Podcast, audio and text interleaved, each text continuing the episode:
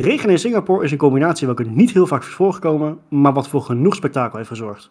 Max Verstappen kon zijn eerste matchport niet verzilveren op de opdrukkende baan van het Marina Bay circuit, terwijl Sergio Perez in stijl naar zijn tweede overwinning van het jaar reed. Genoeg om te bespreken, we gaan snel van start met Studio Formule 1.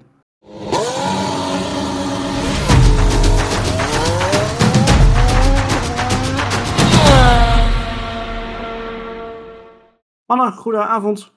Zoals gezegd, we hebben uh, een natte wedstrijd gehad in eh, Singapore. Die, ja, we, we, we zijn er gekscherend van, hadden we niet verwacht, maar we hadden wel een klein beetje voorspeld vorige week. Ondanks dat onze weersvoorspeller uh, er niet, niet was. Dus Marco, welkom terug uit Italië. Buonasera. maar het is wel eventjes een punt waar we wel even uh, bij stil moeten staan. Bij eigenlijk gewoon het hele begin van de wedstrijd. Of eigenlijk het uitgestelde begin van de wedstrijd. Uh, want er waren toch best wel heel veel klachten over. Uh, en hebben het meer over dat er zoveel tijd zat tussen ja, hoe zou het zeggen, het signaal brandmeester bij wijze van dat de baan toegankelijk was en de daadwerkelijke start. Uh, nu zitten natuurlijk waarschijnlijk wel wat commerciële redenen achter. Maar dit had volgens mij niet zo lang hoeven te duren als vanmiddag natuurlijk, of wel? Nou, als er één ding nutteloos is in Formule 1, dan is het uh, de blauwe band. De regenband, want die wordt praktisch gezien nooit gebruikt, behalve eens een keertje in een vrije training, denk ik. En nu leek het inderdaad ook weer dusdanig lang te duren, totdat het, nou ja, we zeiden gekscherend, nou, we starten straks op slicks.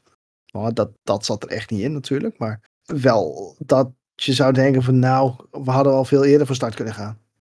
Ja, was dit, maar kijk, is dit echt gedaan puur door alle afspraken met tv-zenders en dergelijke, of zat er meer achter? Want ik heb het idee dat het puur vanwege de commercie is gegaan. Dus dat ze natuurlijk een bepaalde tijd moeten hebben voor voorbeschouwingen op andere zenders en een, en een gridwalk en noem het allemaal maar op. Ik kan me eigenlijk niet anders voorstellen dan dat er een andere reden is geweest dan, dan dat. Maar het creëert ook wel een stukje duidelijkheid. Want normaal heb je van hè, vijf minuten uitstel en dan gaan ze weer kijken, heb je weer vijf minuten. Nu was het gewoon van oké, we gaan een uur later van start en dat is het. Regen Singapore in de nacht is nou niet ideaal. Als er echt heel veel water staat, dan krijg je natuurlijk die weerspiegelingen. Nou, de grip was natuurlijk uh, waardeloos. Dus ik denk al met al dat dat een beetje de overweging is geweest. Ja, oké. Okay. Want ik kan me Monaco nog voor de geest halen. Ja, daar zat iedereen te wachten van wanneer gaat er nou wat gebeuren. Nu was het gelijk duidelijk van oké, we doen het zo. Dus wel besluitvaardig naar mijn idee. Dus ja, daar zit wel wat in. En natuurlijk inderdaad ook wat, wat ook niet onderschat mag worden.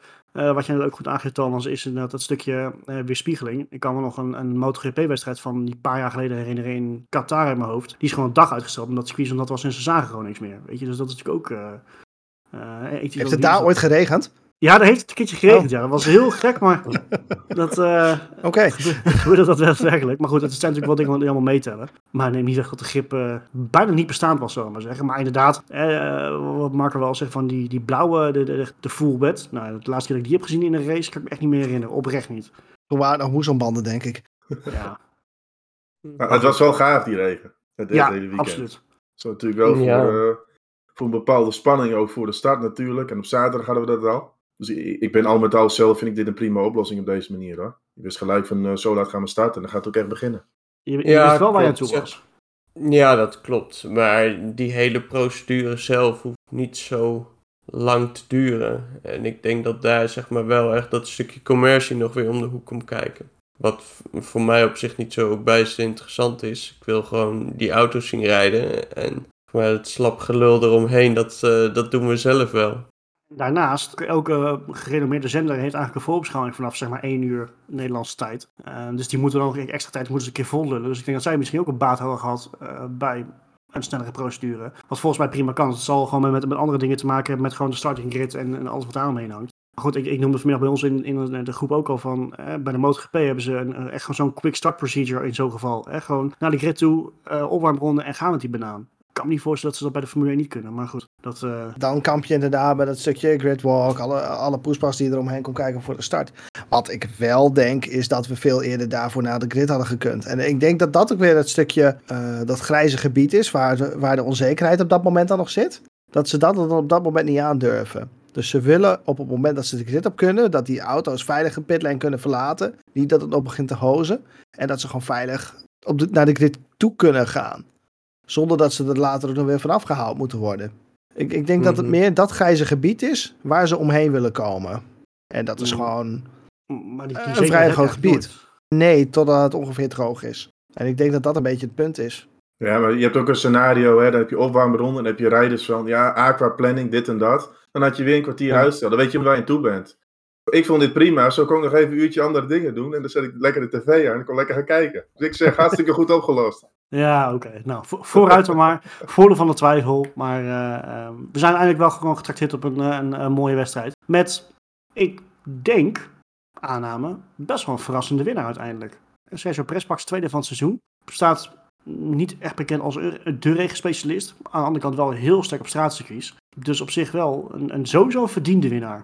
Daar ga ik sowieso vanuit. Ja, absoluut. Ik, ik, eh, eh, Checo die heeft echt eh, de ballen uit zijn broek gereden, deze geest. Dat is echt onvoorstelbaar. En Checo en, en Charles waren deze geest de absolute de top van de top. Klasse. En dat sluit mooi aan op mijn top van de week. dat is Checo. kan ook niet anders. Nee, maar dat mag ook niet anders, denk ik. Eh, zijn vierde overwinning van zijn carrière. Eigenlijk best wel weinig gezien de dominantie van de Red Bull dit jaar. Maar dat zegt dan ook wel wat natuurlijk over de, de beste meneer Verstappen, denk ik. Maar dit was een, een race gevalletje buiten categorie. Ja, meer dan terecht ook. Natuurlijk, Perez die toch de kolen uit vuur haalt voor Red Bull. Als er aan de andere kant van de garage wat, wat minder gaat. En wat gewoon heel knap van Perez was, dat hij onder druk van Leclerc gewoon die wagen goed op de baan hield. En ja, die wedstrijd dan uiteindelijk naar huis reed. Want dat was wel op een gegeven moment de fase naar de tweede safety car, die echt flink onder druk kwam te staan. En daar werd Perez ook echt getest. Ja, en dan doet hij als nummer twee zijn in het team wel natuurlijk heel knap. Door die eh, ja, de wedstrijd gewoon over de streep te trekken. En dat deed me een beetje denken aan Monaco natuurlijk. Ook uh, staat dus wie wisselde omstandigheden. Ja, dan is hij toch altijd wel heel sterk. En het weekend kwam er naar hem toe. En wat natuurlijk bepalend was, dat was die start. Ja. Want Daar, daar pakt die track position. Ja, we, we hebben het allemaal gezien. Op Singapore inhalen is niet makkelijk. Zeker niet als het regent. Dus dat, dat Ja. was gewoon fenomenaal van Perez. Maar die start was echt een kanonstart hoor. Dat was echt niet normaal. Ja, Mhm. Veel, veel sneller weg ook dan, dan, dan Charles. Ja, zo'n start in zulke omstandigheden. Ik vind het al fantastisch om te zien. Want de grip is zo laag. Dat je moet net door je juiste versnelling heen gaan om je, om je wielspin te reduceren. Ja. Ja. En dat deed hij gewoon super. En ja, vervolgens natuurlijk die wedstrijd goed gecontroleerd. Ja, Klopt. en dat dat- dan normaal gesproken, hè, dat we toch altijd een beetje het idee hebben dat het oude pace van eh, Perez toch altijd wat aan de lage kant ligt. Dat kwam hier helemaal niet naar voren. Nee. Nou, en ik denk dat dat het juist het, het goede is, zeg maar, van zijn race hier. Omdat je hem normaal wel eens ziet inkakken. En mede daardoor, en ook goed kwalificeren, is hij ook niet in de melee wat daarachter allemaal gebeurde terechtgekomen. Maar daar heeft hij wel een handje van, zeker. Ja, Nou, en gewoon Het goed weerstaan. En we hebben- Op een gegeven moment zei, eh, voor mij zei, was jij dat, Marco, die op een gegeven moment zo in de groep zei van, eh eh, Perez die gaat de auto opvouwen. En dat dacht ik ook. Nou, maar- was, ik, niet- was ik niet die het zei. Nee, dat was ik. Want je zag me op een Oh, gegeven was moment jij? echt, Sorry. echt driften met de auto. En Ja. eh, over de boordradio van, ja, staan mijn engine settings wel goed? Want ik heb het idee dat ik eh, bij het bocht ingaan en bocht uitgaan helemaal geen grip meer heb. En dat was die fase dat inderdaad die druk er volop stond. Ja, dat deed hij fantastisch. Ja, en Perez is gewoon zijn hele carrière, dat zie je al. Hij is altijd wel een stratencircuit specialist geweest. Dan heeft hij Ja. toch net wat extra's. Meestal de permanente circuits, dan komt hij wel tekort. Ja. Maar goed, eh, neem niet weg dat hij gewoon toprace heeft gereden. En eh, verdiende winnaar. Eh, driver of the day, verdiende winnaar. Van, nou, echt van kop tot staart geleid bijna. Dus eh, Ja, dat was echt de beste, de beste race die hij ooit gereden heeft. 100%. oh, dat denk ik ook misschien nog wel, ja. Dat Ja. is ja, zijn eerste overwinning in, in Saki was natuurlijk ook best wel eh, bijzonder. Helemaal van... eh, Mhm. Ah, maar deze omstandigheden zijn compleet anders. Zijn nog Ja. lastiger, nog venijniger. Je moet precies weten wanneer je van je inters naar je, naar je slicks kunt gaan. Ja. Eh, dat, moet je, dat is toch iets wat een, wat een rijder toch altijd aangeeft. En dat, daar vind ik Perez nog niet altijd even sterk in. Maar deze race heeft hij dat allemaal gewoon perfect gedaan. Duurde het nog Ja. wel echt lang, hè? Echt heel lang voordat mensen naar de slicks toe gingen. Ik had, ik had verwacht dat het eerder zou zijn, maar die baan droogt zo slecht, zo slecht traag op. Dat, is het. Hè. Eh, het is daar 30 graden. Eh, normaal gesproken zou je zeggen, dan droogt het heel snel op. Maar ja, de luchtvochtigheid daar is ook ongeveer eh 100%. Eh, ja. op papier je hebt geen 85 zon? 90%. Nee, dus het zijn alleen maar die stofzuigers die over de baan heen rijden, die de boel een beetje droog blazen. Maar daar houdt het ook echt mee op. Het, het, het deed mij een klein beetje denken aan Turkije. Eh, twee, drie jaar geleden. Ja. Mm, Ja, ver, ja ik, ik snap wel waar je naartoe wil, maar het is natuurlijk een heel, heel ander soort circuit, heel ander soort tuurlijk. klimaat. En wat ik, wat ik zelf gewoon zo vreemd vind, is dat het, het, het beetje um, ja, verneukeratief kan je bijna zeggen, is dat als je gewoon de baan zag, ook op de grid, dus op een gegeven moment op de grid stond, denk je van, nou, het is bijna droog, die, die, dat circuit is Ja. bijna droog. Totdat ze echt in, in, gingen rijden en dan al die spray omhoog komt, dan heb je precies van, oh shit. Ja, en, en dat maakt het denk ik voor de rijder alleen nog maar lastiger in deze eh, omstandigheden. Hè, je, eh, normaal gesproken op een circuit, als je overdag rijdt, dan, dan zie je die droge lijn normaal gesproken wel ontstaan als rijder. Maar onder die floodlights je ziet zoveel minder. Je hebt veel meer schittering. En die schittering heb je en op de plekken waar het droog op dat moment is. En daarnaast. En je ziet het verschil bijna niet. Nee, eens. Absoluut. Maar Over goed, waar we wel verschillen zagen. ik, ik voel hem al aankomen. Het verschil tussen de twee Ferrari-rijders, jongens. Man, man, man. En mijn flop van de week, dat zal jullie dan denk ik ook niks verbazen, is eh, Carlos Sainz. En Drama. dat, het is raar om iemand die een podium pakt, een drama-race te, te ze- eh, zeggen dat hij dat heeft. Maar het verschrikkelijk grote verschil waarmee Leclerc weggereden is, samen met Perez trouwens, van Carlos, is echt bizar. Dat Mhm. is zo'n enorm verschil. Carlos Sainz is vandaag derde geworden door het waar ze op hebben gereden. Puur door het gebrek aan mogelijkheden.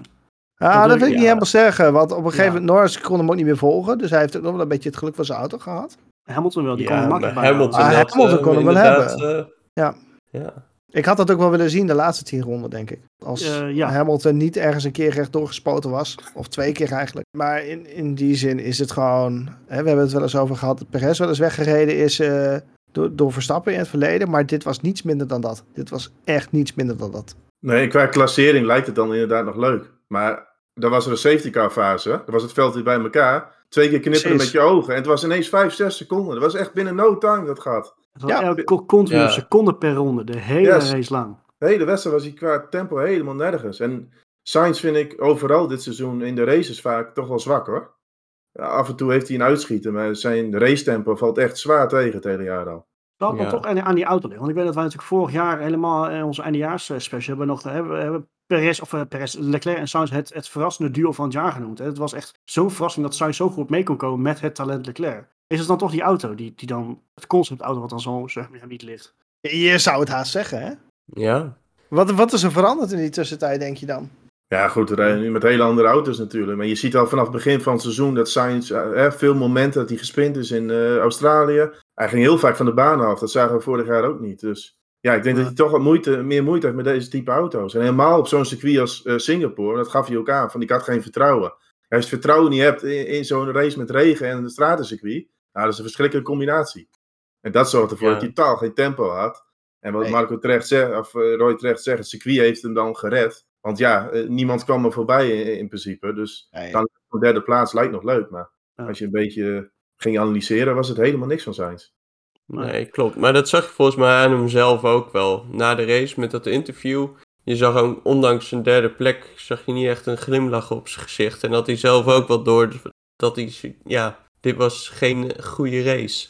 Nee, zeker niet. Nee, absoluut niet. Hij is, eh, hij is, hij is derde geworden door de omstandigheden, maar niet op eigen tempo. Dat eh, was Nee, nee, pijnlijk. nee, maar goed. nee, zeker niet. Maar goed, ehm, ja, ook geen spel tussen te krijgen. Ik zal niet zeggen dat hij echt gezien de absolute flop van de dag was. Want ik denk dat er meer kandidaten zijn. Misschien zelfs mijn kandidaat. Nou, dat is ook wel heel, heel Ja? benieuwd trouwens. Oh, Nee. kom maar. ik, heb hem, ik heb hem echt nog nooit als flop genoemd. En ik ga het nu toch doen. Want ik ga even met, met flop beginnen. Max Verstappen. En Je wordt afgefakkeld door de fans, hoor. Kom maar. ja, we- weet ik. Ja. Kom, kom maar op. Ik Heb zal, je deur zal- op slot gedaan? eh? Ik, eh, buiten het feit dat zijn tempo heel goed was eigenlijk. Niet, ik kon niet echt mee met de top. Ja, op een gegeven moment die vrij baan trouwens wel. Ging hij wel op een gegeven moment als, een- als een raket. Ik ben van mening dat Max Verstappen door eigen toedoen zo slecht is ge- geclassificeerd vandaag. Begonnen bij de start. Echt een poepsoort van heb ik jou daar waarin hij in die antistol schoot. Uiteindelijk hebben we van Helmut Marco gehoord dat het is gekomen doordat hij er gewoon eigenlijk een verkeerde ja, eh, motorstand eigenlijk had. Nou, dat je daar dan een start kan verneuken. Echt, ga maar allemaal met de, pet erboven, maakt ook niet uit. En ja, die, die dikke verbremser eh, bij bocht, wat is het, bocht 7 volgens mij. Hmm. Ja, dat is gewoon eigen schuld. Eh, hij gaat eh, op, op, op, een, op een nat stuk, eh, wil hij gaan inhalen, vol in de rem, in, in de ankers, terwijl hij ook nog een keer heet het, eh, met de vloer de, de grond raakt. Ja, dat ben je gewoon gezien. Nu is het uiteindelijk eigenlijk nog best goed afgelopen, want je had ook aan Hamilton de muur kunnen, kunnen eh, vliegen. Al vraag ik me nog steeds af waar in godsnaam die voorvleugel van gemaakt is, maar goed, dat is, eh, dat is een andere discussie. Maar het was gewoon niet... voorvleugel, dus... eh, Ja, precies, Duitse degelijkheid. Zweeds, denk ik eerder. Ja, ik- ja, ja, weet ik niet. Maar goed. Verstappen, eh, het is eh, ehm, flop in de zin van het is eigen toedoen. En het is gewoon extra zonde omdat zijn tempo wel extreem goed was. Hij heeft natuurlijk, en nog een keer op zaterdag, had hij gewoon echt met een gigantische voorsprong een pole position kunnen pakken. Nou, dat is natuurlijk door onbekende redenen niet doorgaan, want hij gewoon niet genoeg brandstof had. Ik vraag nog steeds af waarom die ronde daarvoor ook afgebroken werd. Maar goed, dat is... eh, Ja, daar, eh, daar is duidelijkheid over eh, verschaft trouwens. zo. Ik onderbreek je even. Nee, de pitwall bij Het wordt erger. De fout door Red Bull is dubbel. De, los van het feit dat ze niet goed gerekend hebben met brandstof, hebben ze hem die ronde daarvoor ook nog af laten breken. Ja, dat bedoel ik.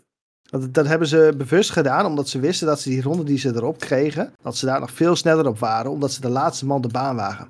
Terwijl die daar eigenlijk al een seconde sneller was. Dus ja, ja Nou, tel, tel ik was uit. al, want in die ronde was hij ook al belachelijk snel. Dus, Juist. Speltip Maar- 27, weet wanneer je gewonnen hebt. Maar, maar dat was wel bepalend voor het weekend van Verstappen natuurlijk. En we hebben hè, uitzendingen hiervoor natuurlijk dat Verstappen de ene overwinning en de andere overwinning pakte. Zei altijd, ja, die gouden combinatie. Dit weekend was het even geen gouden combinatie. Want op zaterdag Nee. maakt Red Bull natuurlijk een kapitale blunder. Zoals gezegd met de brandstof, dat niet correct berekend was. En dan die ronde die afgebroken werd, wat anders ook genoeg was voor Pol. Ja, dan heb je natuurlijk op zondag al een hele andere wedstrijd. Ja goed, op zondag dan zelf wat slordigheden.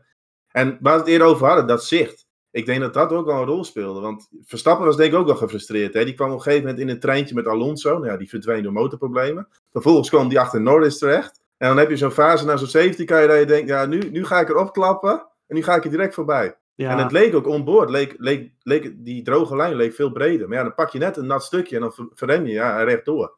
en nou, als je eenmaal blokkeert, dan, dan ben je ook gewoon gezien. Dat, dat, ja. Ja, Dus nou Ik goed. snap, ik snap ook waarom je Max als flop noemt. En ik kan me daar ook heel erg goed bij indenken. Het was gewoon niet zijn weekend. Nee. Ik denk dat dat zijn weekend ook een beetje. Maar het had wel zijn weekend kunnen zijn. Ja. Het- het- Ja. En daarom, Dat laatste rondje in kwalificatie, dat is zo Ja. bepalend. Ja, en Ja. daarom dat, ben ik met, dat ben ik met je eens. Maar het, eh, zijn weekend was al geteld. Dat zei jij ook al. Op het moment dat die kwalificatie mislukt was. Daarna ging die race nooit meer goed komen met deze omstandigheden. Nee, klopt. Dat denk ik ook. Ik denk dat hij van, daardoor al zo gefrustreerd was dat, dat hij die frustratie de zondag ook heeft meegenomen. Dat dat natuurlijk, nou ja, voor het resultaat wat we nu zien eh, gezorgd heeft. En is Ja. dat dan toch die wil om deze race kampioen te worden? Zou, dat dan, Nee. dan, zou die dan zo hongerig zijn? Nee, dat Nee, denk dat ik denk ik niet. Nee, ik dat- vond hem eigenlijk, ik, ik vond hem, aan, vooral aan het begin van de race, vond ik hem opvallend rustig. Als je ook zijn start on board zag, hij was best wel terughoudend. Hè? Een, een, start, maar de Verstappen van drie, vier jaar geleden, die had zoiets van, eh, ik ga dat in bocht 1 ga ik het allemaal goed maken. Ja, met alle gevolgen van dien. Eh, weet je, dat heeft hij natuurlijk ook niet gedaan. Dus ik vond hem op zich wel be- best wel berekenend. Maar ja, op een gegeven moment gaat natuurlijk die frustratie al toenemen. Maar het, weet je, eh, we, we, we gaan het wel weer uitvergroten, maar het gebeurt een keertje. Maar het is een hele grote optelsom. Hè? Je zakt in eerste instantie vijf plekken weg in de race. Je komt daarna terug. Op een gegeven moment denk je, nou, ik ga die Vettel even pakken. Komt opeens die verdomde Hamilton er nog eens een keer tussen. Ja, Nou, dan weet je sowieso dat je een hele lastige dag gaat krijgen. Nou, dan Ja. spuit die Hamilton er dan nog eens een keer een potje rechtdoor. Maar eh, het zat hem gewoon niet mee. En eh, het leek eigenlijk alsof hij deze race een beetje gebroken werd. Ja, door door alles wat er gebeurd is. Nee, niet, niet, niet voor het kampioenschap. Maar gewoon deze race heeft hem met alles erop en eraan wat er in het weekend gebeurd is. Heeft hem een klein beetje genekt. Heeft hem toch in de emotie kunnen drijven. Iets wat we hem lang niet hebben zien doen. Zo bedoel ik dat. nee. Hmm. Denk ik Nee? niet. Nee, denk ik niet. Nee. Weet je, want ze, ze, het- toen hij op een gegeven moment vrij baan had, wa- was zijn tempo weer magistraal. Weet je, dan kon hij, Nee, was hij bij far snelst op de, op de baan. Ja, maar dat Maar is gewoon heel frustrerend gaan. door, door de, de situatie en nat Singapore, geen DRS. Je kan Ja, al niet ja, inhalen, dat- weet je, dat bedoel ik. elkaar. Want Ja, maar alsnog, beginfase- zeg maar, bij de, de interviews naar de hand was hij nog steeds salty over die zaterdag. Dus Ja, dat, ik denk dat dat, het wel is geweest. En dat mag je ook zijn. Ik bedoel, kijk, weet je, ik, ik las al overal op, op, op, op, op, de verschillende kanalen allemaal weer van, oh, Verstappen met zijn grote bek weer. Joh, als je zo'n combinatie hebt en je team verneukt het op zo'n manier, dan mag je ook zeiken volgens Nee, maar dat, is, dat heeft Max ook gezegd. Hè? En dat, hebben, dat heeft Horner nog eens een keer bevestigd. Ja, weet je, eh, dat team is zo, precies, dat team is zo verdomde sterk. Omdat ze elkaar op de fouten kunnen wijzen. Omdat ze kritisch op elkaar mogen zijn. Ja. Iets wat je bij bijvoorbeeld een Ferrari absoluut niet ziet. Daar houden ze elkaar de hand boven het hoofd alsof het de Italiaanse regering is. Ik bedoel, kom even. En overigens zit het ook heel, hè, wat, wat ze bij Red Bull doen, is ook vrij herkenbaar wat ze, wat ze doen bij Mercedes. Daar zijn ze ook heel kritisch op elkaar. En ik hou daarvan. En dat je ook in de media gewoon uitspreekt, ja, mijn team heeft hier een fout gemaakt. Dat is wat het is. Andersom, als Max een slechte race heeft gereden, dan hoor je Horner het ook sterk zeggen. Die Dat houdt hem ook niet het hand boven. Ja, precies. Nee, maar eens, absoluut. Ja. En ook, ook bij ik denk dat- Verstappen ligt die standaard zo hoog dat we ook natuurlijk de fouten een beetje uitvergroten. Moet je niet vergeten. Op zaterdag Tuurlijk. Rijdt, rijdt Verstappen natuurlijk eigenlijk het hele veld helemaal naar huis. Hè. We hebben het natuurlijk over Perez gehad die een goed weekend had. Maar normaal gesproken had Verstappen daar op zaterdag al dikke seconden voor gestaan. En ook het begin van de race, hoe die dan in natte omstandigheden gelijk drie, vier man pakt. Ja, dat was wel weer waanzin- waanzinnig. Tuurlijk. Dat zijn natuurlijk, je bent het niet gewend van Verstappen, die kleine foutjes. Ja, en dat, daar ga je dan op letten. Maar afgezien daarvan was hij eigenlijk wel waanzinnig snel weer het hele weekend. Is ook zo. Maar goed, hij heeft, gewoon, hij heeft gewoon door eigen toedoen niet het maximaal eruit gehaald. En daar laten we het bij. Hè? Kan gebeuren. Ja. Volgend weekend gaan we nog een poging doen. Maakt niet uit. Vol eraf in de 130R. Ehm, Nou, alsjeblieft, alsjeblieft niet zeg. Ik heb als top een beetje een vreemde eend in de bijt. Dat klinkt misschien een beetje raar, maar eh, we, we hebben ze toch regelmatig geloof ik afzeiken afgelopen eh, of dit seizoen. Mede omdat ze ook al hartstikke onzichtbaar zijn en natuurlijk een van de twee coureurs eh, vaak het lachje van de grid is. Maar het team van Aston Martin heeft gewoon een hele puike wedstrijd gereden. Eh, allebei ouds in de punten, goed in de punten, sterk tempo, goede calls gemaakt. Strol voor Vettel, moet je wel even aan wennen, maar dat is, het, het- wat eigenlijk best wel gewoon regelmatig voorkomt. We doen alles alsof, alsof Vettel de grootheid is, maar Stroll staat er best wel regelmatig nog voor. Maar gewoon ijzersterk. Onverwacht ijzersterk trouwens. En ze hebben natuurlijk wel een beetje geprofiteerd van de uitvallers. Maar heel veel van die uitvallers waren al wel achter hun. Hè? Dus het is niet zo dat ze daar heel erg veel mee opgeschoten zijn. Dus ja, ik, eh, wat mij betreft echt eh, een eh, hele verdiende, verdiende dubbele, puntenfinish. Ze hebben het meeste geprofiteerd natuurlijk van de uitvalbeurt van Alpine, denk ik. Het zijn twee auto's waarvan je verwacht dat die wel voor ze zouden gaan zitten uiteindelijk. Ja. Maar verder, puur op merit. Ja, En het zullen veel mensen niet opgevallen zijn, maar Stroll heeft echt een hele, ster- eh, ja, echt een hele sterke race gereden. En nou is Stroll normaal gesproken in de regen, wil hij nog wel eens een keertje presteren, wil hij er nog wel eens uitschieten. Turkije. Maar dit was, huh? Turkije. Vra- eh, ja, eh, ja, bijvoorbeeld. Dit, dit leek daar wel weer een beetje op. En gewoon tactisch heel sterk. Ja, maar ik denk dat ze vooral wel heel erg geprofiteerd hebben. Want ik heb ze niet bijzonder veel in beeld gezien. Of expliciet genoemd zien worden. Nee, maar je moet er wel staan. En P6 en P7 is echt knijt goed voor het team. Hè? Ik bedoel, Ja, ja, ja, zeg maar, ik ben het mee eens dat het een top eh, is. P6, maar- P8 trouwens, sorry. Maar- Dat is het een beetje met zo'n regenrace. Hè? Als je veel in beeld komt, doe je of veel dingen goed of veel dingen fout. En als je niet in beeld komt, ben je vaak vrij onzichtbaar en dan rij je wel mee. Onder de radar. Ja, Mhm. Maar en op tactisch gebied zie je, hè, je krijgt niet altijd even goed in beeld wanneer iemand naar binnen gaat. Zeker niet als een hele veld pitstops gaat maken onder een safety car bijvoorbeeld. Dat je niet helemaal door hebt wie nou de lucky dogs zijn. Ja, zo, noemen ze dat in de NASCAR natuurlijk heel erg mooi. Maar wie de geluksvogels zijn of wie de beste eruit komen uit een pitstop, pitstop situatie. En dat hebben ze gewoon heel sterk gedaan. Ze zijn langzaam naar voren gereden. Volgens mij was de kwalificatie ook niet heel slecht. Help me Nee. even. Stroll die mij niet, hè? in Q3. Maar het hele Ja. weekend was Aston Martin niet heel verkeerd. En ze zijn ook niet zo slecht als dat het een tijd geleden leek. En ik denk zelf dat Alonso een best wel een goede keuze heeft gemaakt. Ik zie daar echt een opgaande lijn bij Aston Martin. Dan hoor je verbaasd aan te kijken. Maar Vind ik het gedurfd, gedurfd Nee, maar uitspraak, de- maar ik zie ze Nee. echt stappen maken daar. Het Ik was ben het met je eens, Thomas. Het begin van het seizoen was een complete ramp daar. Daar hebben ze gewoon uitgelachen. Ja. Als een stel clowns waren ze bezig. Maar zijn nu serieus eh, teams in de middenmoot die goed voor de punten meedoen. Je ziet er echt een opgaande lijn bij die mannen. Ja, en ik ben het met je eens. We moeten niet vergeten dat Aston Martin vroeger natuurlijk het Racing Point was. En Racing Point stond best wel bekend om met weinig middelen best wel redelijke prestaties neer te zetten. absoluut. Nee, daarom. Dus ehm, gewoon solide weekend. Meer kan je er niet over zeggen. Chris, top en flop. Ja. Flop en top, wat je maar wil. Nee, wacht. Ik wil nog één... Sorry. Eh, Ik wil nog één... Ga je weer vals spelen? Nee, ik wil eens voor een soort van subtop noemen. En maar door één moment. Kevin Magnussen. Zijn drift in de kwalificatie toen hij zich verremde was Oh. magistraal. Die was magistraal. ik heb nog nooit... Die, die, hij verremde zich, had het direct door. Direct die kont omdraaien en weer door. Ja, die, die vond ik gewoon magistraal. Maar goed, dat... Ah, was heerlijk. Nee, ik heb Eh, meer eh, mooie driftende acties gezien. Tuurlijk. Russell, Ja. Russell in de wedstrijd. Het was echt Oh. driften dit weekend. Ja, ook. Rally. Maar die, die van Kevin Magnussen was echt perfect. Echt helemaal perfect uitgerekend. Dus, eh, Ja. nou, goed. Dikke team. Ja, absoluut. Tot Ehm, zover eh Singapore Drift. eh. Ja, precies. sorry eh, Chris. Ja, ja ik, eh, ik begin bij mijn top. En ik denk dat het een beetje een vergelijkbaar team is als eh Aston Martin. eh. dat is het team van McLaren. Ook een team wat heel mooi geprofiteerd heeft eh, dit weekend. Zeker eh, gezien het, nou ja, het falen van een zekere set motorblokken bij Alpine. Ja, Norris en Ricciardo P4, P5 zitten daarmee volgens mij ook weer, ik zal het even correct zeggen, vier punten voor Alpine in het constructeurskampioenschap. En ik vind eigenlijk voornamelijk Norris wel een hele sterke race heeft gereden. Heel steady, was er ook al bij de kwalificatie heel goed bij.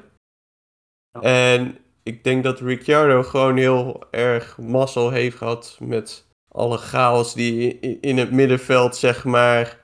Alle mensen die, nou ja, zich verremden, in de muren parkeerden en achterstevoren stonden en allerlei andere ongein. En eh, Maar ja, echt puik.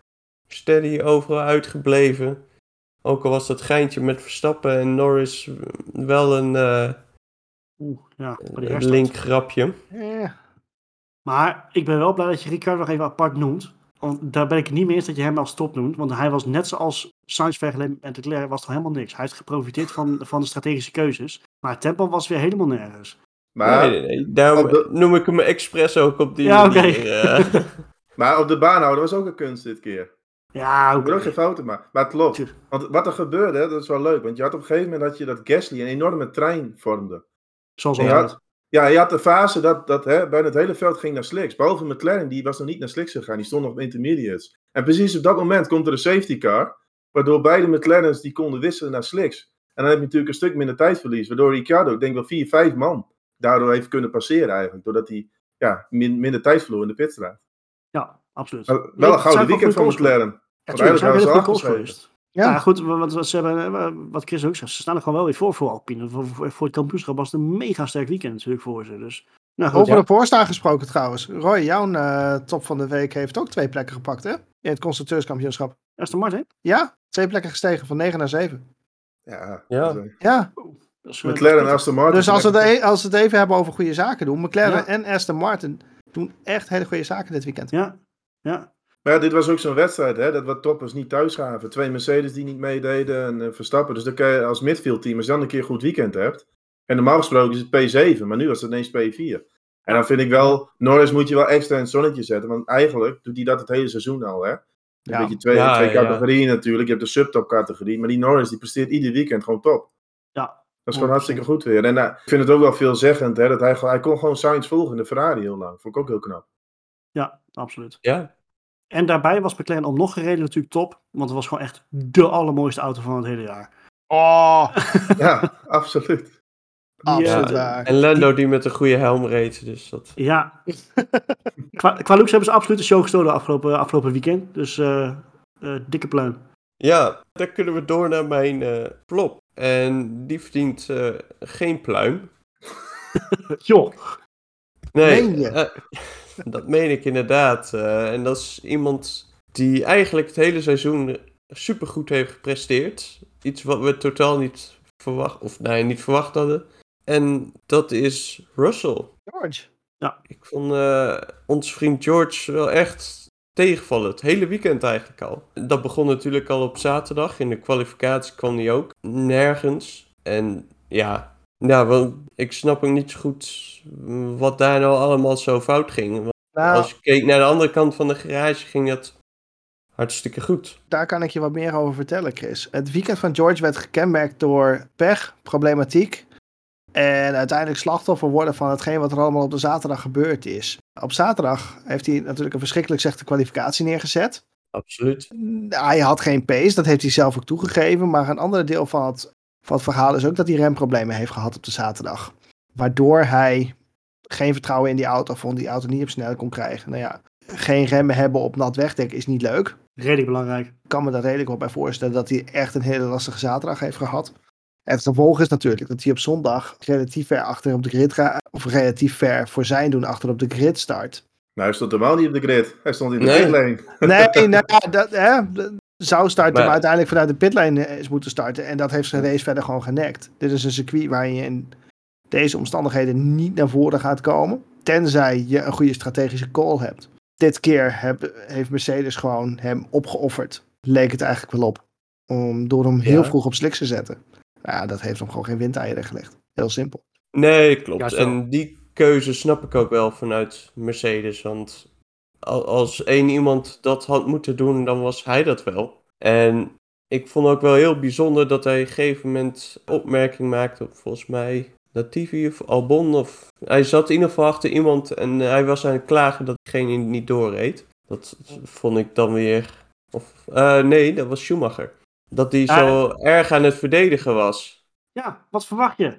Ja, het gaat Oh, gewoon om positie. Nou, da die jongen die vecht, voor zijn eh, contract en hij eh, komt eraan met zijn luxe eh, wagen een beetje klagen. Oh, wat, wat doet deze plebs hier een beetje langzaam rond cruisen? Ja, Maar, maar, maar dat was misschien wel de grootste flop aan Russell. Want het is een beetje be- vergelijking met Verstappen. Hè? Die zaterdag die, ja, gaat in rook op, start je op zondag achteraan, loop, loop je achter de feiten aan, probeer je nog wat geks met, zo, met slicks. Ook wel verklaarbaar, je hebt niks meer te verliezen, je denkt, laat ik het gek doen.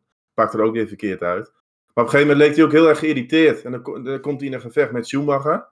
Nou, die, die in principe niks geks doet, die probeert gewoon zijn positie te verdedigen.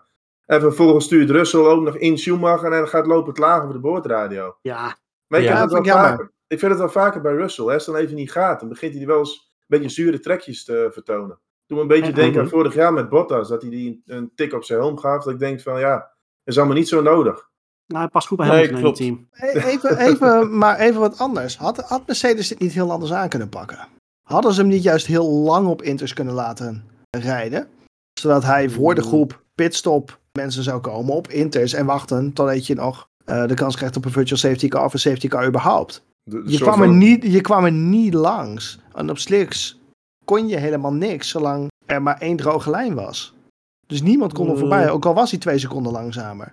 Ja, Daar had je toch van kunnen profiteren, denk ik dan. Denk Ja, ik goed. niet eigenlijk. Ik denk niet dat ze heel veel anders met hem hadden gekund. nee.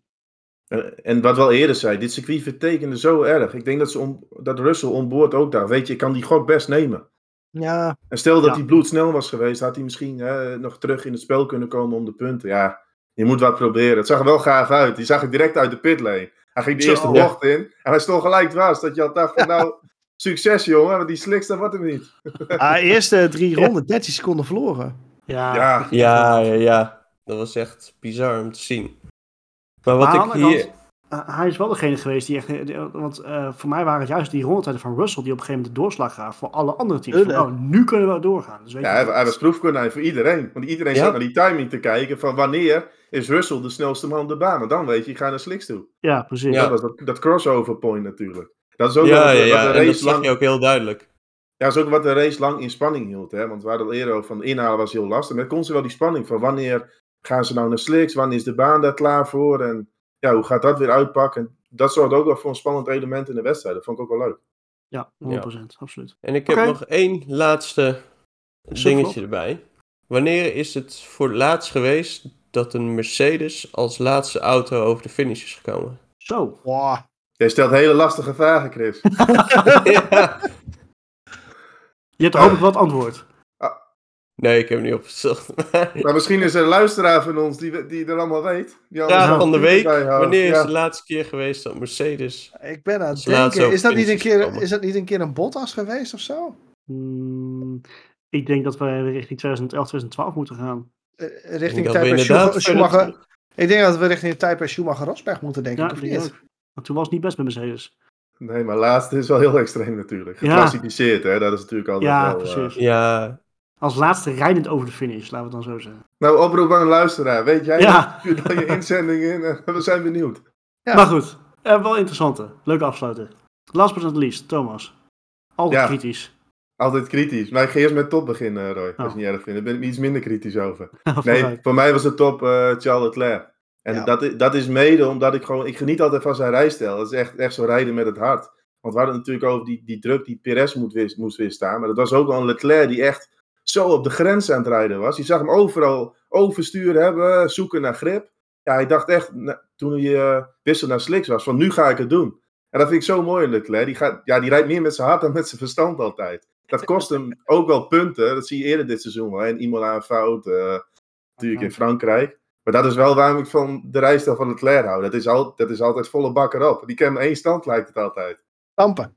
Ja, dat is, dat is altijd stampen met die Ferrari. En dat vind ik, ja, vind ik prachtig om te zien. Dat, En dat was bij Verstappen ook zo. Ja, nee, zeker. Ja. Maar in dat opzicht lijkt hij ook wel Verstappen. Ik denk dat Verstappen altijd iets meer over heeft in zijn hoofd als het ware. Dat hij af en toe ook nog wel zijn overzicht kan bewaren. Dat heb je bij Leclerc soms iets minder. Maar ik vind het altijd wel super leuk om te zien. Ja, zeker. En En gewoon, ja, je, vergelijk met zijn teamgenoot. Weet je, als je daarmee gaat vergelijken. Ja, absoluut. Hij- was ook gewoon heel sterk. Denk ik, samen met Perez waren dat gewoon de twee mannen die het veld eh, aanvoerden natuurlijk. Met, met groot verschil ook met de rest. Ja. Maar ik denk, ja, voor hem, voor zijn nog gewoon een prima race gereden. En toch weer een pitstop die een beetje langzamer was. Maar daar was hij denk ik zelf ook wel debet aan. Ja. Want bij, bij het binnenrijden, ja, schoot hij iets door. Ja, dat is voor, eh, voor de pitmannen natuurlijk ook niet helemaal lekker. Nee, klopt. Zeker weten. Maar wel eh, terecht, denk ik. Ja, ik, ik vond het echt weer, het was weer genieten, tenminste. Maar goed, we gaan dus eh negatief afsluiten bij jou, hoor ik. Ja, heel negatief, Roy. Maar ik heb eigenlijk het dubbele toch, want één wil ik ook niet onbenoemd laten. Maar mijn, de grootste to- eh, flop, moet ik het wel goed zeggen, flop, is eh, Williams. Dat leek Ja. werkelijk helemaal nergens op dit weekend. Oh, de kleren. En we hadden het in onze preview nog over van Nick de Vries die kon invallen. Nou, dat Williams had op Singapore helemaal niks te vertellen. Die auto ging niet, ze kreeg geen temperatuur in de banden. Albon was aan het glijden. Latifi had geen spiegels blijkbaar, want die reed eh, zo, zo in de flank bij Kwang Yung Zhou. Het was één grote ramp bij Williams. Dat was niet oi. Ja, Nou, Latifi was zelfs voor Latifi standaard gewoon slecht. Ja, maar in de heel soms heeft hij in de regen best wel eens wat leuks laten zien. Maar ook dat zat totaal niet in. Het was waardeloos. nee, nee, maar hij heeft ook wel slechte dingen in de regen laten zien, dus. Ja, maar als hij ergens nog wel eens wat kan, is het in de regen. Maar dat hele Williams, dat was helemaal niks op Singapore. Was ook Eh, wel weet je, verwacht eigenlijk, ja, ja, maar als een Nick de Vries hier had ingevallen, de- goed, dat had hij het natuurlijk ook wel goed kunnen doen. Maar die, ja, er zat nooit meer in dan een voorlaatste plek eigenlijk voor het team. Nee, klopt. Gewoon helemaal geen tempo, ja, niks te vertellen. Nee. Ja, dat is natuurlijk die auto, die heeft gewoon geen downforce. Ja, op de rechte stukken gaat het goed, in de bochten is het gewoon helemaal niks. Is dat op een stratencircuit komt met veel bochten en de omstandigheden zijn tricky, ja, dan eh, wordt het één grote ramp. En dat hebben we gezien. Mhm. Als de Japan ook last te krijgen, denk ik. Gaan we het zo over hebben, maar... Ja, goed, het is natuurlijk wel eh, wat hogere snelheid dan Singapore. Singapore is echt eh, een draak van een auto hebben ze daarvoor. Ja. Maar ik, ik had ook nog een andere flop. En die vond ik een beetje Latifi-momentjes hebben. was Lewis Hamilton. Nou, natuurlijk over Verstappen gaat ze fouten. Nou goed, Hamilton die, die banjert één keer knetter, had eh, de banden in. En die, en die zet hem in de achteruit en die zegt dan, ik ga weer verder. Ja, hoe dan? Ja, dat Ja. was ook wel waanzinnig. Maar ik vond Hamilton gewoon ook echt clumsy. Slordige fouten. Ik denk toch wel Ja. vergelijkbaar ook met Verstappen. Hè? Maar hij zat Ja. natuurlijk vast achter Sainz. Ja, dan ga je toch zoeken van hè, wat laten remmen. En hij miste gewoon compleet zijn rempen. Maar wat ik slechter vond van Hamilton was de tweede fout die hij maakte. Was in een gevecht met Vettel. Ja. Dat was later in de race. Hè? Ja. Natuurlijk een droge lijn. En je zag gewoon naast de lijn was het hartstikke nat. En wat doet Hamilton? Die gaat aan de binnenkant van Vettel iets proberen. Waar het hartstikke nat is. En schiet gewoon compleet rechtdoor en verliest de plek aan Verstappen. Vond ik echt een beetje Latifi-achtige fout eerlijk gezegd. Heel amateuristisch zag het eruit. Ja, zeker. Nou, je zegt het wel heel erg terecht, Thomas. De race van Verstappen leek voor mijn gevoel heel erg op de race van Hamilton. Vergelijkbare soorten fouten. Ook niet karakteristiek voor de rijder zelf. Ik dacht even, Mhm. ja, huh, spannend. En aan de andere kant, we moeten, we moeten wel een klein beetje oppassen dat we niet, ja, niet per se te streng zijn. Ja, niet per se te streng zijn voor een Verstappen en een Hamilton. Want 99 van de 100 keer komt, ze dit, niet voor, eh, komt dit niet voor natuurlijk. We hebben een keer een pechweekend. Weet je, kan iedereen Ja, maar dat is het ook. En als de omstandigheden je dan niet meezitten, en dat gold voor beide rijders eigenlijk, dan probeer En dat is denk ik ook wel een beetje het temperament van zowel een Verstappen als een Hamilton. Dan proberen ze wat te forceren. En het ene moment lukt dat wel, en het andere moment lukt dat niet. We hebben Hamilton vroeger in het verleden ook wel eens dingen zien doen. Ook echt van die forceermomentjes zien hebben. En dan lukt dat gewoon omdat hij Hamilton is. Ja, dat klinkt heel stom, maar dan is het gewoon, hij duwt hem erin en iemand heeft maar respect voor hem. En anders is het voor de persoon in kwestie, is het hele slechte boel. En Verstappen heeft dat tegenwoordig natuurlijk ook wel een klein beetje over zich heen. En dit is een race waar... geen en- wereldkampioen. precies, en daarom wordt Max waarschijnlijk ook een x-voudig wereldkampioen. Eh, minimaal twee in elk geval. Ja. Maar dat kunnen ze. En dit is een race waarin ze dat ook proberen, maar in dit geval het niet lukt. Zeker. En, en- en het is gewoon ook de omstandigheden. Want eh, Ja. Versta- Verstappen had dat ook. Die zat natuurlijk vast achter Alonso. Nou, die viel uit. Toen zag je in één keer dat hij wel twee seconden harder kon. En dan kun je nagaan. Die jongens kunnen veel harder. Maar op een gegeven moment in de wedstrijd had je één droge lijn. Ja, daar kon je bijna niet van afwijken. Want dan had je geen grip. Dus je, je kon Nee. er niet voorbij. En dan zo'n Hamilton en Mhm. Verstappen. Die, ja, je kunt veel sneller, maar dat gaat niet. Ja, dan ga je toch soms iets forceren en dan gaat het fout. Klopt hoor, klopt. Nou, dat is ook, gewoon terecht. Mm, Met eh, beide flops. maar goed, al met al wel weer een eh, hectische wedstrijd. Eh, nog steeds geen saaie wedstrijd gehad dit jaar. Dus ook wel weer bijzonder.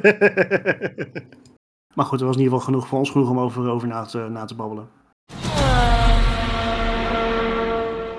Voordat we vooruit gaan blikken op de Grand Prix van Japan, altijd een pareltje van de kalender, moeten we toch eventjes heel kort stilstaan nog bij wat er eigenlijk ja, na de race is gebeurd. We zitten inmiddels op eh, nou, bijna half tien s'avonds, dus inmiddels is het eindelijk bekend wat er met Sergio Perez is gebeurd. Jullie hebben het vast allemaal natuurlijk wel meegekregen, ook de luisteraars wel, voor eh, wat we- de, de, de safety car infringements, zoals ze het dan zo mooi noemen. Marco, kan jij heel kort toelichten wat er nou eigenlijk precies heeft gespeeld en waarom hij zo onder de loep lag? Ja, er waren een aantal situaties waar, waar naar gekeken moest worden. Hè. Er hebben zich onder verschillende sa- safety car situaties dingen voorgevallen. Het ene moment heeft hij één of twee keer naast een safety car gereden. En er is een moment geweest waarbij hij een enorm groot gat heeft gelaten. terwijl de safety car lights nog niet uit waren. Detail: hè, zolang de safety car lichten nog niet uit zijn. moet je binnen 10 autolengtes van de safety car je bevinden. Laat je een groter gat vallen, dan kan je daarvoor bestraft worden. En voor het überhaupt je wielen naast de safety car krijgen, is ook iets wat eigenlijk een not done dingetje is. Dat zijn de meerdere dingen waarop Ferrari, mede Ferrari, eh, niet heel erg blij mee is geweest. En daarvoor het een en ander gemeld heeft, of in ieder geval ook hetgene waar de uh, stewards naar gekeken hebben. Nou moeten jullie me even helpen, want ik weet dat hij een straf heeft gehad uh, van 5 seconden. Ja. En een reprimande. Ja. En de een is voor de een en de ander is voor de ander, geloof ik, hè? Zeg ik dat juist? Dan moeten jullie mij even helpen, want ik heb hem niet helemaal scherp meer. Technische Thomas, jij weet het wel. Thomas? Nee, ik, ik heb me niet verdiept daarin. Daarom. Uh, Ah. we moeten gaan. de een is voor de Nee. een, de ander is voor de ander. Laten we was vijf Lekker seconden. ambigu. Nee, volgens mij was die vijf seconden voor het feit dat hij een te groot gat heeft laten vallen, als ik me niet vergis. Ik weet dat eh, s- s- Vettel heeft ook weer een paar jaar geleden ook een keer een douw voor Ja. gekregen, weet ik nog. Daar zijn ze best wel streng in. En ook, ja, misschien ook wel terecht. Neem niet weg, en daar zijn we het allemaal over eens. Buiten het feit dat ik snap dat ze de coureur willen spreken. Het feit dat de winst eigenlijk dus van de stewards weer afhangt, is gewoon ja, op sportief vlak gewoon echt heel slecht. Ja. En nogmaals, ik snap de bewegingen, ik snap dat ze de coureur willen spreken. Maar het is gewoon niet tof als jij eh, de race wint en eigenlijk niet zeker bent van je winst. Dat is voor de coureur niet fijn, voor de fans niet fijn, voor het team niet fijn. Voor de Claire niet fijn, want die weet nog niet waar die naartoe is. Dus kan, Oké, eh, ik kan corrigeer even. Het gaat om twee situaties waarbij hij verder dan 10 autolengtes achter de safety car is gekomen. Dus niet ernaast komen. Het ene moment heeft zich afgespeeld op in een eer- eerste safety car moment. Even kijken, staat er een ronde lap bij? Nee, staat er niet bij verder. Ja, één keer in ronde 10 en één keer in ronde 36. En die voor ronde 10 krijgt hij een reprimande. En voor die van ronde 36 krijgt hij een 5 seconden tijdstraf. Dus eigenlijk omdat hij hetzelfde vergrijp voor een tweede keer in die race gedaan heeft, krijgt hij die extra straf. Oké, nou, fair enough. Valt wat voor te dan- zeggen natuurlijk. Dan sowieso hadden ze daar niet mee hoeven wachten tot aan de race. Als hij het een tweede keer in één race doet, dan is het toch overduidelijk wat er moet gebeuren. Ja, maar dat is mij, ook een beetje eh, wat er nu veranderd is natuurlijk um, sinds we een nieuwe wedstrijdleiding hebben. Hè. Er wordt niet meer actief gecommuniceerd met je moet nu dit doen of je moet nu dat doen naar de teams. Hè, dat is waarom we vorige jaren altijd dat over- en weer spelletje gehad hebben. Dat doen ze nu niet. Ze kijken nu, dit is de situatie, we beslissen hierop. Je hebt geen invloed meer op de scheidsrechter, de scheidsrechter beslist gewoon. Ja, maar dat is En dat dat na de wedstrijd gebeurt, daar vinden we allemaal wat van. En, en hè, wat je heel goed zegt, er is een, stuk, een stukje waarbij ze in sommige gevallen de rijder nog willen horen. En zeker in het geval als je bijvoorbeeld een gat laat vallen, is er misschien iets met je auto mis geweest. Dan willen de stewards dat horen voordat er eventueel een straf uitgedeeld wordt. Want als twee er keer een- toe. Ja, Eh, tuurlijk. Maar daarom dit twee, tot twee keer toe dat ze denk ik wachten tot na de race.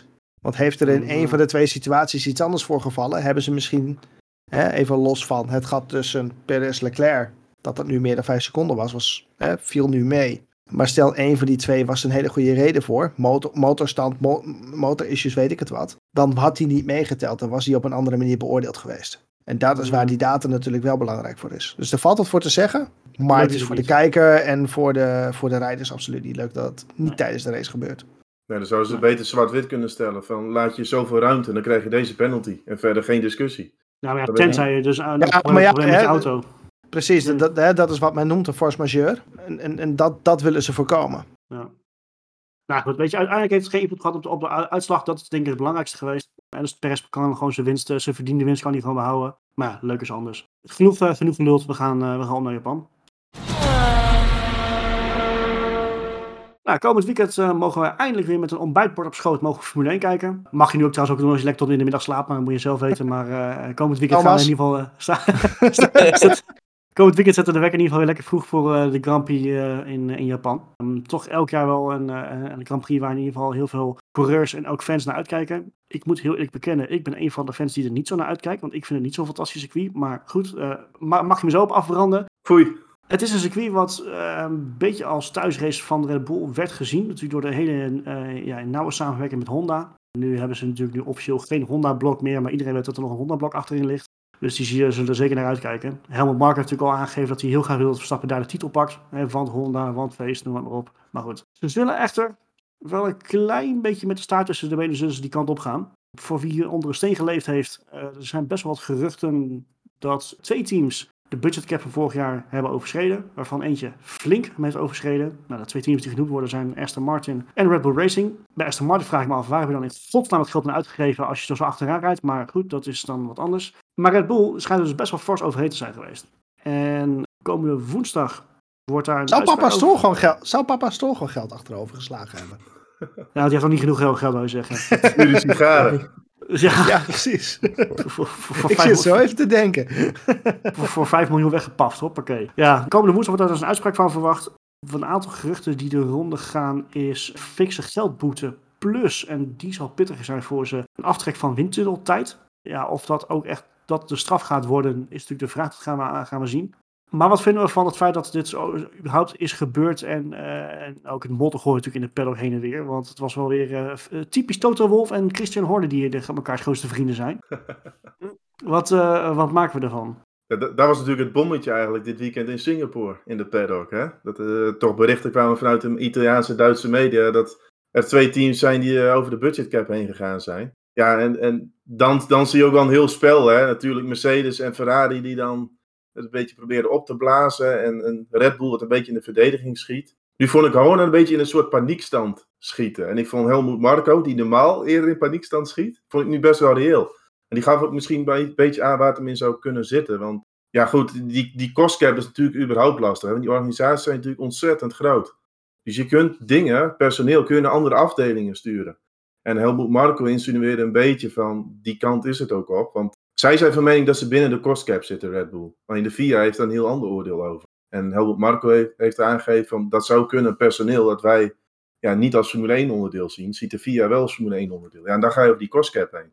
Maar zou het dan zeg maar zoiets zijn, eh, eventjes gewoon naar, een beetje het reguliere bedrijfsleven aan onze kant, dat je een IT-programmeur eh, bij eh, HR neerzet, maar die dan wel bij HR eigenlijk wat voor de IT gaat doen? Beetje in die zin. Ja, nou, dat zou kunnen. Dat is ook altijd wat ik gehad heb met, met die kostcap. Het idee is supergoed. Alleen, hoe ga je, dat, ga je dat allemaal controleren en bewijzen? Nou goed, ja, en dan krijg je dus denk ik nu zo'n situatie dat een team daar eh, volgens de FIA niet helemaal eh, aan heeft voldoen. Ja, ik heb eh, tijdens vrije training 3 had F1 TV, in ieder geval de kant van Sky, die had een heel mooi interview gehouden met Christian Horner. Waar nou ja, een vrij beledigde Christian Horner aan het woord kwam. Nou ja, dat past natuurlijk wel een beetje bij, deze, bij, bij, bij het stukje modder gooien. Mhm. Maar wat ik daarvan begreep was, ehm, wat jij zegt, hoor, dat, dat, dat past wel een klein beetje. Want inzettingen van de COSCAP, die zijn ergens afgelopen dit jaar maart geweest. Hebben ze alle cijfers of al hun boeken hebben ze ingestuurd ter beoordeling bij de FIA. En daar zou komende woensdag, komt daar een uitspraak over. Dan krijgen ze de zogenaamde certificaten van, hé, hey, je bent binnen de COSCAP geweest. Dus dat er woensdag een uitspraak over komt, is niets eh, staat ook volledig los van, wat, van dit bommetje, om het zo maar te zeggen. Dit zou zo komende woensdag überhaupt op tafel komen. Het is gewoon het publiceren van de resultaten van de financiële Precies. Ja. Dus daar is helemaal niks nieuws aan. Het punt is alleen, er zijn dingen uitgelekt. En wat ik van Horner begreep, is dat de FIA vragen heeft gesteld. Maar dat doen ze aan elk team. Over welke kosten horen waarbij en welke kosten vallen onder de cost cap. We moeten niet vergeten, dit is het allereerste jaar waarin we echt werken met een dergelijke cost cap. Waarin bepaalde delen wel voor die cap gelden en bepaalde delen niet. En sommige, de- eh, sommige onderdelen moeten gespecificeerd of uitgelegd worden. En die vragen worden gewoon gesteld. Dat wordt aan Mercedes gedaan, wordt aan Red Bull gedaan, wordt aan Aston Martin gedaan, wordt aan Alpine gedaan en, en, hè, enzovoorts.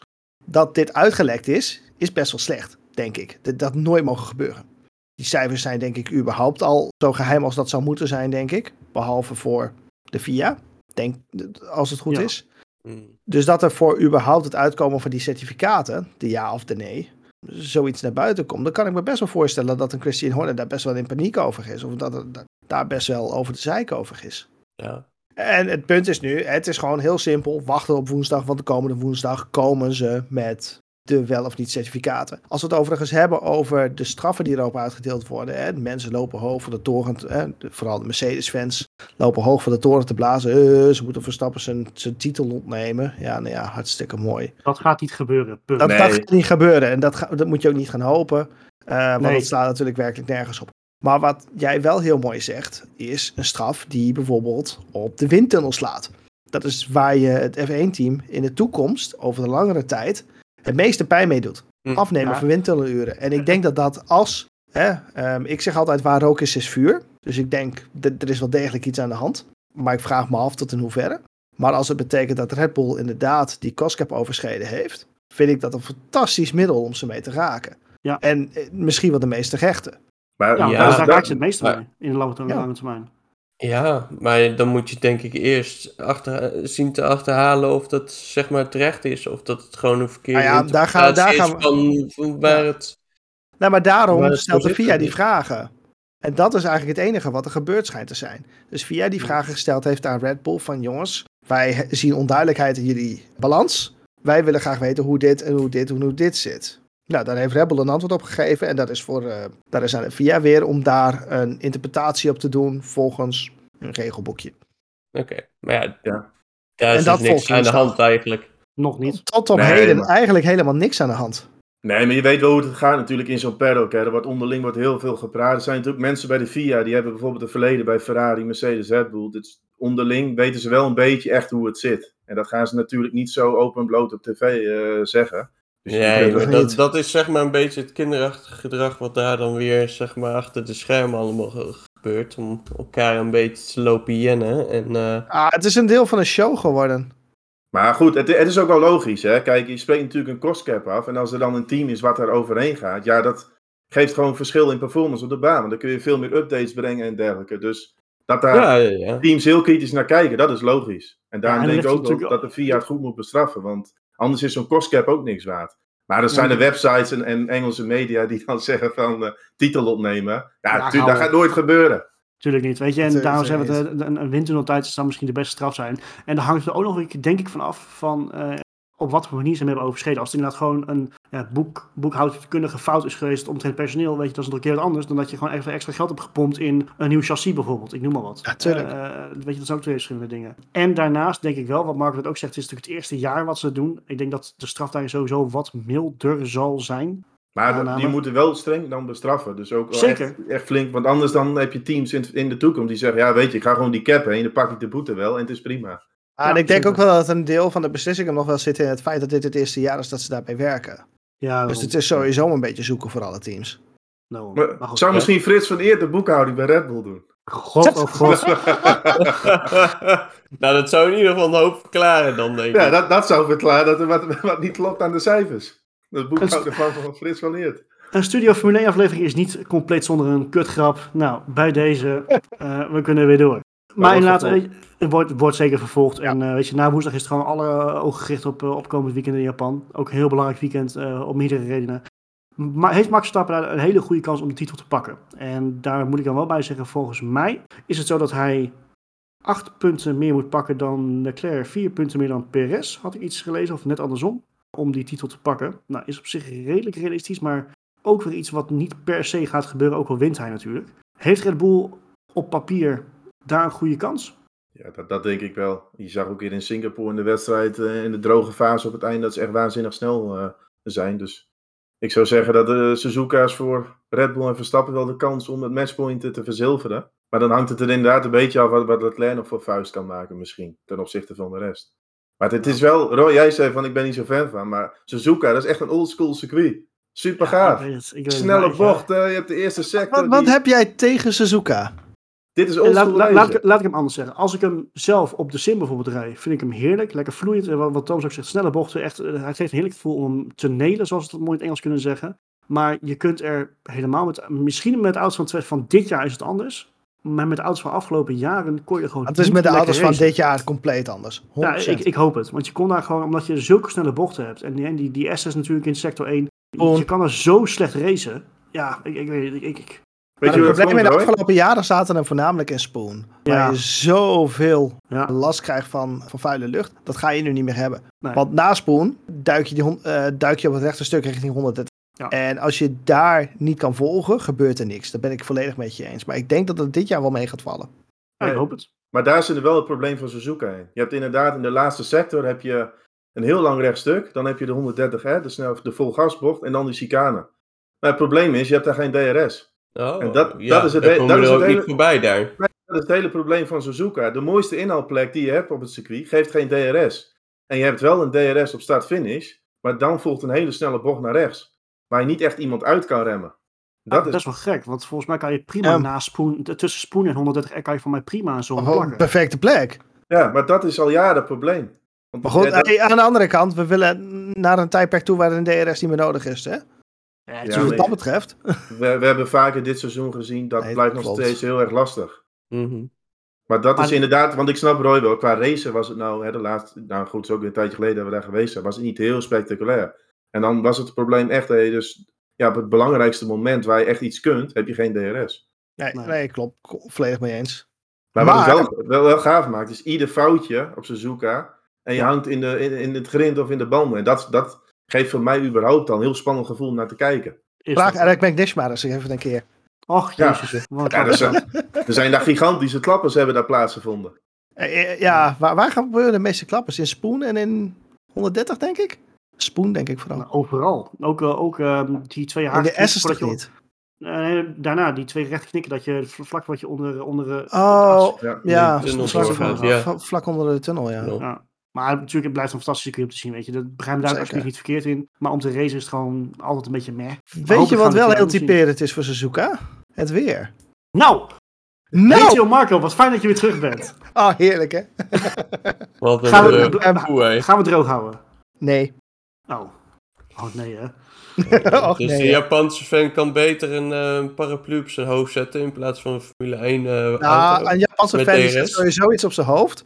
Eh, vaak met verschillende tierenlantijntjes. Ja. Eh, dan wel met DRS werkende achtervleugels als petjes. En ik denk dat die dit weekend ook weer van pas kunnen gaan komen. Vooralsnog op het menu. Vanaf eh heute tot en met volgende week niet aankomende, maar de weken na op maandag. Alleen maar bewolking. De zon komt ongeveer niet naar voren. En op vrijdag en op zondag voorlopig regen. Nou zal dat nog wel een klein beetje gaan schuiven en doen. Maar ik denk niet dat we het hele weekend droog gaan houden. Als we maar niet weer zo, echt zo'n tyfoon krijgen, dat ze weer een dag moeten uitstellen en zo. Dan heb je helemaal... Die- eh, dat heb je daar wel eens gehad natuurlijk. En Dat, Ja. dat- het wil daar echt wel eens regenen. We hebben wel, wel meer dan eens volgens mij gekwalificeerd op zaterdag of op zondagochtend. Dat weet ik me Ja. nog, nog te herinneren. Dus Maar dat is ook een beetje typerend voor de race in Azië. We hebben natuurlijk vanmorgen de MotoGP gehad in Thailand. Nou was hetzelfde Ja. verhaal, hè? veel regen, uitstel. En maar ook races inderdaad in Suzuka in het verleden. Dat was toch vaak wel eh, problematisch met het weer ook. Ja. Dus dat is wel, wel een dingetje daar in Azië. Dus laten we Ja, hopen dat het wel binnen de... jaar. Ja, daarom. Dus laten we wel hopen dat het een beetje binnen de perken blijft en dat we lekker kunnen gaan racen. dat we misschien toch Ah, een keer het voordeel die, is ook eh, wel. Het voordeel is ook wel, het is een nog steeds wel een relatief modern circuit. Er wordt, wordt nog steeds heel erg aan, aan gewerkt en aan gedaan. Er wordt ook extreem veel geraced. Japanners die houden echt van racen natuurlijk. Ja. En de drainage is daar fantastisch. Dus dat helpt behoorlijk. Ik kan me weinig races herinneren waarbij we al- uiteindelijk helemaal niet hebben kunnen rijden.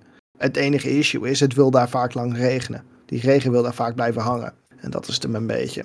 Ja, klopt. Een regenrace op Suzuka hangt nog wel een negatieve schaduw overheen.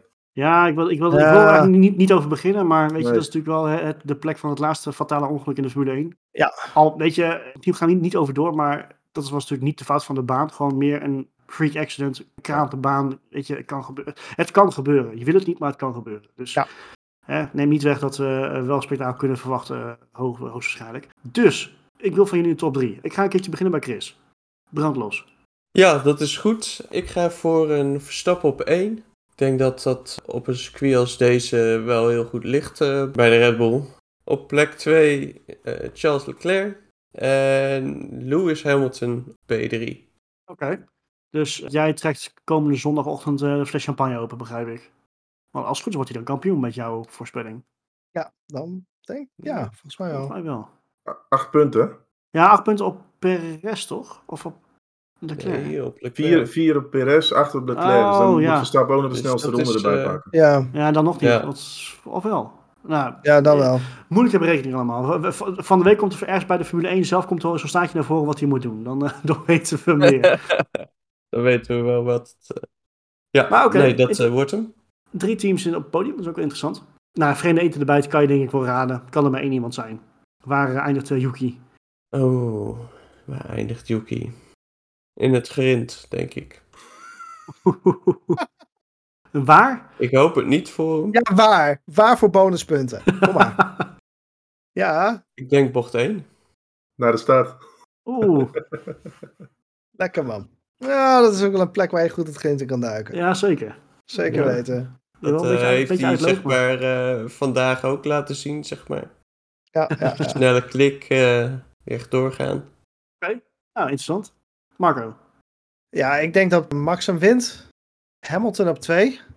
Ik hoop stiekem ook gewoon dat we weer van die lekkere regenachtige omstandigheden krijgen. En dan, dan is Hamilton gewoon iemand die daarop kan kapitaliseren. Behalve vandaag. Behalve van, nou, vandaag was wel een hele gekke race. Hamilton op, of, eh, Hamilton op 2. Leclerc op 3. Sorry. Ja, ik dacht al, zijn broer, de broer van Lewis. Ja. Nick Hamilton. Nou ja, die heb ik nog, ja. Nou, goed. Ja. Oké, en Yuki? Eh, die gaat de hek in. Jij ook al? Ja, maar dit is overtreffende trap, hè. Je hebt het grind Ja, in en dan heb je nog ja, een oké. hek. Dus nou, ik, hoop, ik, hoop, ik hoop niet dat het à la McNish is. Maar ik denk wel bij Spoon. Oké. Of ergens, er- ergens in, die- in, in die twee, drie knikken. Wat zijn het er? Twee, twee halve knikken. Oké, Maken één. Zoiets. Oké, nou vooruit. Pak ik hem even open, want ik ga redelijk in dezelfde lijn als jij. Ik ga ook uit van een beetje nattigheid. Dus ook Verstappen die wint hem eh, Hamilton 2. Maar Lando Norris wordt derde. Oh ja. Is ook goed in de regen. Nu denk ik niet dat het een circuit is dat de McLaren heel lekker ligt trouwens. Maar dat is... Nee, dat denk ik ook niet. Maar Lando Norris heeft meer gekke dingen gedaan met die auto dit jaar. Dus, eh, Ja. En ook ik, het, ik vind het heel lullig, maar ook ik ga voor een DNF voor Yuki. Oh, ja, sorry. Ja, maar het is gewoon zo'n circuit waar een foutje zo snel gemaakt is.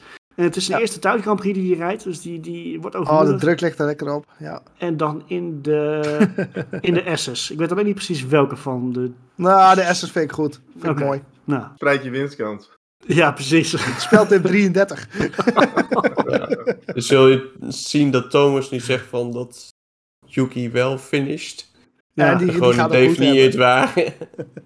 Yuki op podium. Oh, daar kan je lachen. Mijn god. Ja, Thomas, je mag nu ook gewoon zeggen dat Yuki de finish haalt. Dat ja, ja. Nou, dat was ik wel van plan. Oh, Kijk. nou, vertel. Maar ik zou eens mijn top 3 even doen, want die champagne die kan koud zondag. Verstappen wint de wedstrijd, Hamilton wordt tweede, Russell wordt derde. Ik denk dat die, dat die Mercedes op Suzuka ook wel sterk gaat zijn. Circuits met snelle bochten, Silverstone, Zandvoort zijn ze ook sterk geweest. Goed Hmm. punt. Ja, Dus ik, ik denk dat Mercedes best wel een rol kan spelen. maar wel, wel redelijk hoge snelheden nog, hè? Ja, klopt. Maar ik denk ook qua bandenslijtage in de wedstrijd, eh, ja, kan die Mercedes best wel bovendrijven. Oké. Dus dat, dat komt helemaal goed. En uh, nee, Tsunoda die gaat de finish halen. Al dat publiek, dat gaat er gewoon een tiende extra geven qua snelheid. Dat wordt gewoon een nette, nette P12. P12 net. Net de P12. Ja, maar dat is voor Tsunoda toch prima. Dat is netjes. Ah, oké. Maar ik gun het die Japanse fans zo. want Dat vind ik de leukste fans over de hele kalender. Ja, 100%. Want we Ja. hebben al die, eh, we hebben wel eens gesproken over Nederlandse fans. eh, die fans in Monza fans in Silverstone. Maar in Japan heb je echt racepubliek. I- Ze vinden alles leuk daar. Allerlei Ja. fans door elkaar. De gekke petjes, gekke toestanden. Prachtig. Ja, en die zitten ook gewoon op, op de zondagavond, als de teams aan het inpakken zijn, zitten ze nog steeds op de tribune. Hè? Gewoon te kijken naar hoe de teams aan het inpakken zijn. Ja. Ja, dat is toch fantastisch. Dat is eigenlijk Ja. de sfeer die je overal wil zien. Lekker gevarieerd publiek. Niet allemaal voor één rijder. Ja. Nee, mooi. Ja, Dat zeker. ik ze. Dat is eh, een van de mooiste, wat dat er een van de mooiste races van het jaar. Ja, ook met al die petjes elk jaar. En wat Mark ook zei, met, met werkende DRS-vleugels inmiddels. En, en Ja, nou ja. Ja, een soort carnaval onder de Formule 1 wedstrijden. Circuit Ja. Petje met een circuit layout. Ja, echt hè. Dus Je kan het zo gek bedenken, jongens. Nou ja, goed. Hartstikke mooi. We hebben hem eh, gedekt volgens mij. Ik heb er, eh, ik heb er zin in. Ik ben benieuwd of we dat ze champagne krijgen bij het ontbijt. Maar eh, we gaan het zien. Dat gaat, dat gaat gebeuren. Ja. Hebben wij voor nu nog een hele mooie nabrander? Ik heb nog wel een nabrander. Ik hoop dat het team van Alpine wel motoren meeneemt die heel blijven. Want dat hebben wij niet besproken, maar dat was natuurlijk ook completer dan. Twee keer een auto die een motor ploft. Op een snelheid waar niet heel veel stress op de motor komt, lage snelheid, was ik daar wel een beetje verrast over. En Ja. ook wel typerend voor Alpine. Ja, dus eh, ja. Dus neem een motor mee die de finish haalt in Suzuka. Ja, Alpine. nou, die, die gaan een penalty koppelen, denk ik, of niet? Nou, Ja. mi- minimaal twee. Ja, goed. Eén voor elk. soms kun je natuurlijk met oude motoren nog wat, hè, wat hergebruiken, wat onderdelen. Maar dat wordt weer lastig. Dus ja. Nou, nou, we gaan, we gaan het zien. Maar het is eh, pijnlijk was het in ieder geval even veranderd. Om de strijd om de vierde plek. Dat, eh, dat maakt het gewoon extra zuur voor ze. Dus, nou ja, we, gaan het zien. Goed, dank jullie wel, mannen. We gaan hem, we gaan hem afronden. We gaan eh, op naar eh, het, The Land of the Rising Sun. Eh, kijken of we een, weer een kraker te zien krijgen. Voor nu, dank voor de aanwezigheid en input. En het uh, slappe hoer. En we, gaan, we zien elkaar naar Japan, zien elkaar weer. Luisteraars, bedankt voor het luisteren. Kijkers, bedankt voor het kijken. En we zien jullie na de Grand Prix van Japan, zien we weer.